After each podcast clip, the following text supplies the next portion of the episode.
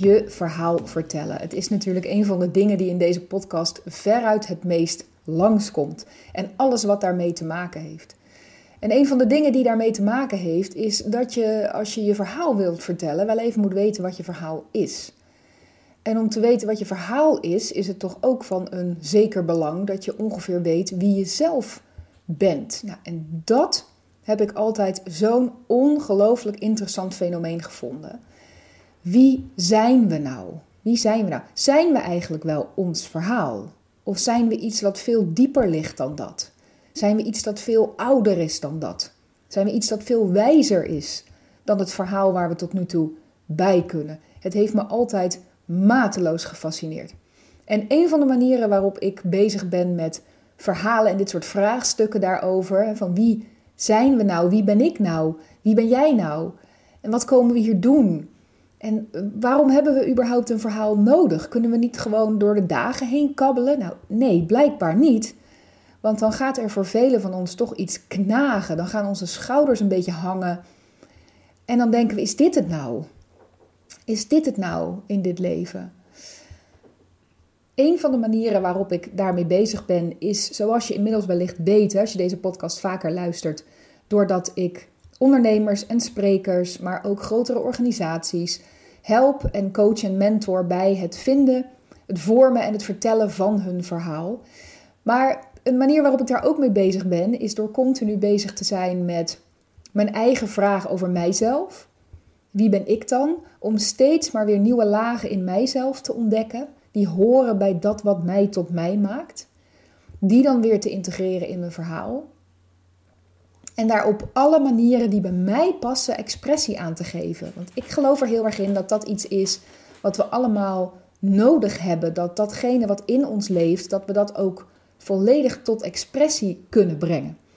En een van de dingen die ik doe om mijzelf tot expressie te brengen is het schrijven van spoken word poëzie. En spoken word poëzie is een vorm van poëzie die het midden houdt tussen storytelling, is echt een verhaal zit erin, poëzie en er zit iets van ritme in. Het is ritmisch, dus er komt een muzikale component komt erbij kijken. En de spoken word die ik schrijf, die gaan uh, veel vaker wel dan niet over dit soort vraagstukken. En ik wilde er vandaag graag één met jullie delen. In 2018 schreef ik deze spoken word die zich heel erg centreert op hoe, hoe ga je door de dagen en wat nou als je, als je dat wat zwaarder ervaart, die dagen die je doorbrengt. Misschien is dat wel niet omdat je niet weet wat je verhaal is. Misschien is dat wel omdat je donders goed weet wat je verhaal is. Alleen je doet niet genoeg voor jouzelf, voor jouw ziel, voor wat jij nodig hebt. Met de dieptes die dat verhaal eigenlijk in zich heeft. En hoe mooi zou het zijn als we ons dat weer ten volle herinneren en er ook voor durven gaan. En deze spoken word is een aanmoediging om precies dat te doen. Hij staat op muziek en niet zomaar muziek. Eh, dat is muziek die mij heel erg aan het hart gaat. En een, een, hele bijzondere samenwerking is dat tussen eh, de artiest die dit gemaakt heeft, Seth McKinnon uit Canada, en mijn spoken words. Waar ik heel dankbaar om ben. En ik zal in de show notes van deze podcast een eh, wat uitgebreidere context geven van die muziek en de link naar waar je daar meer over kan vinden. Want ik kan me voorstellen dat jullie dat net zo gaan waarderen als ik. Dus dat zal ik zeker doen. Voor nu wil ik je meenemen in een verhaal van iemand die op een afstandje kijkt naar een persoon die zijn schouders een beetje laat hangen en zorgen ervaart, denkt dat hij zijn verhaal niet weet, maar wat nou als dat anders zit dan deze persoon dacht? Dit is Because We Remember.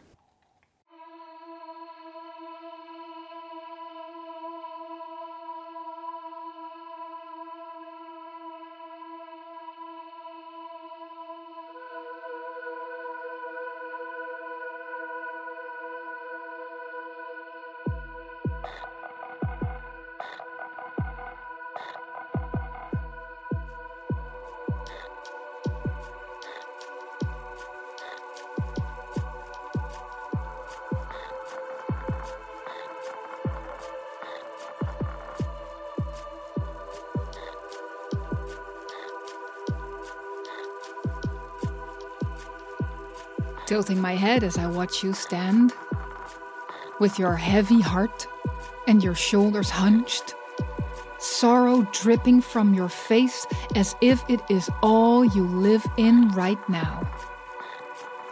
As if you have completely forgotten who you are. Or maybe it's because you remember. Remember all too well who you were when you were born into this world. Because when you came here, you didn't come all shiny and new. You came in with a legacy, a prophecy of who you were meant to be, and something tells me that you know it. Something tells me you felt the ache in your heart when you thought about all you could achieve. That you felt the rush of your spirit as it got filled with belief. That you've tasted freedom and a world of peace, and this is not dreaming. This is knowing that you are royalty and you have a role to play. To say, I have a story and I am willing to stay and fight for it.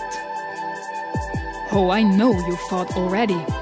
The way we all fought with all we had. Fought for our hopes and dreams. Fought against all the wrong that we see.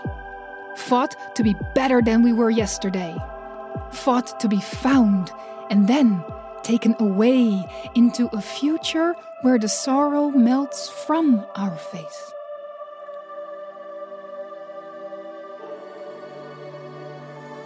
And I understand all the times you felt as though you have lost that fight. The fight with life and all that it threw at you. And I understand you feel all darkness and no light when you are down on your knees, thinking, Where is the universe when I need it most by my side?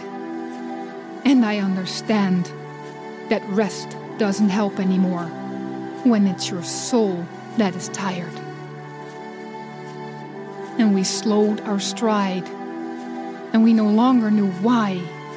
Why we would fight and hold on to life but make no mistake, that is not because we have forgotten our light.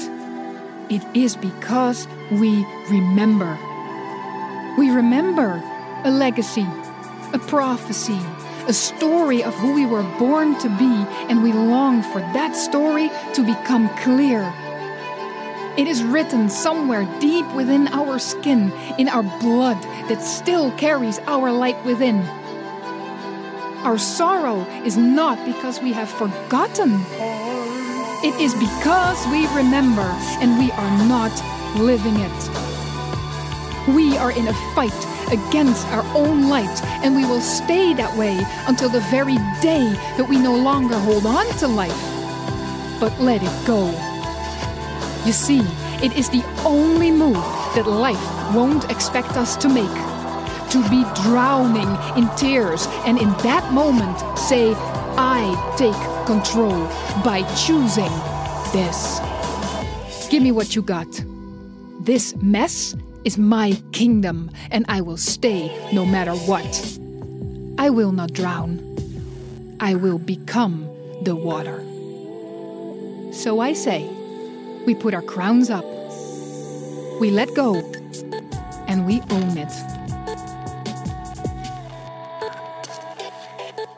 We own that the Savior on that white horse, he won't come. That the song on that hilltop won't be sung. That the race to finally get you there, they won't run. We are all we've got. Our castle in ruins. Another paradise, paradigm gone with the wind. But within, if we're willing to wind our wounds, we are taking back an ancient brain. We can. We must.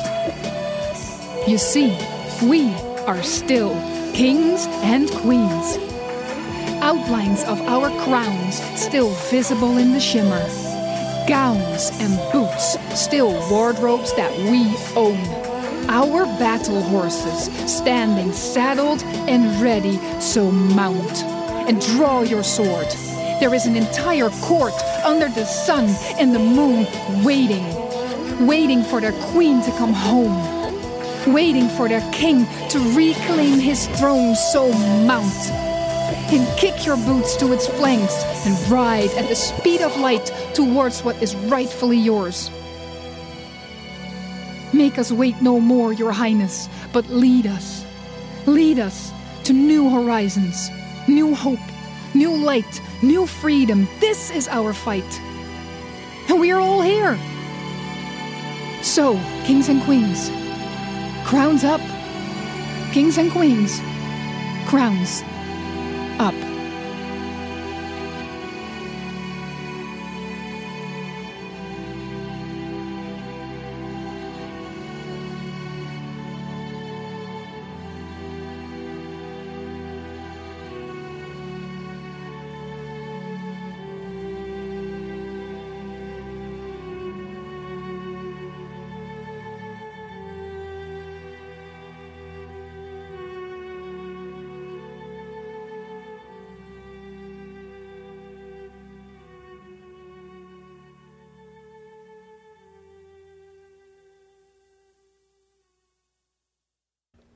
Dankjewel voor het luisteren. Ik ben super benieuwd of die iets in je heeft aangeraakt of misschien even een mooi momentje op je dag heeft mogen bezorgen.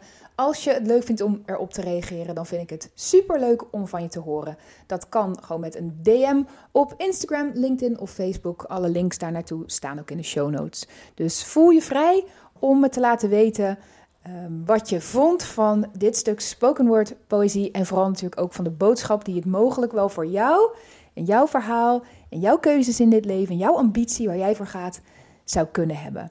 Voor nu wens ik je een hele mooie dag of avond, afhankelijk van wanneer je dit luistert. En ik hoor je gauw. Doei doei!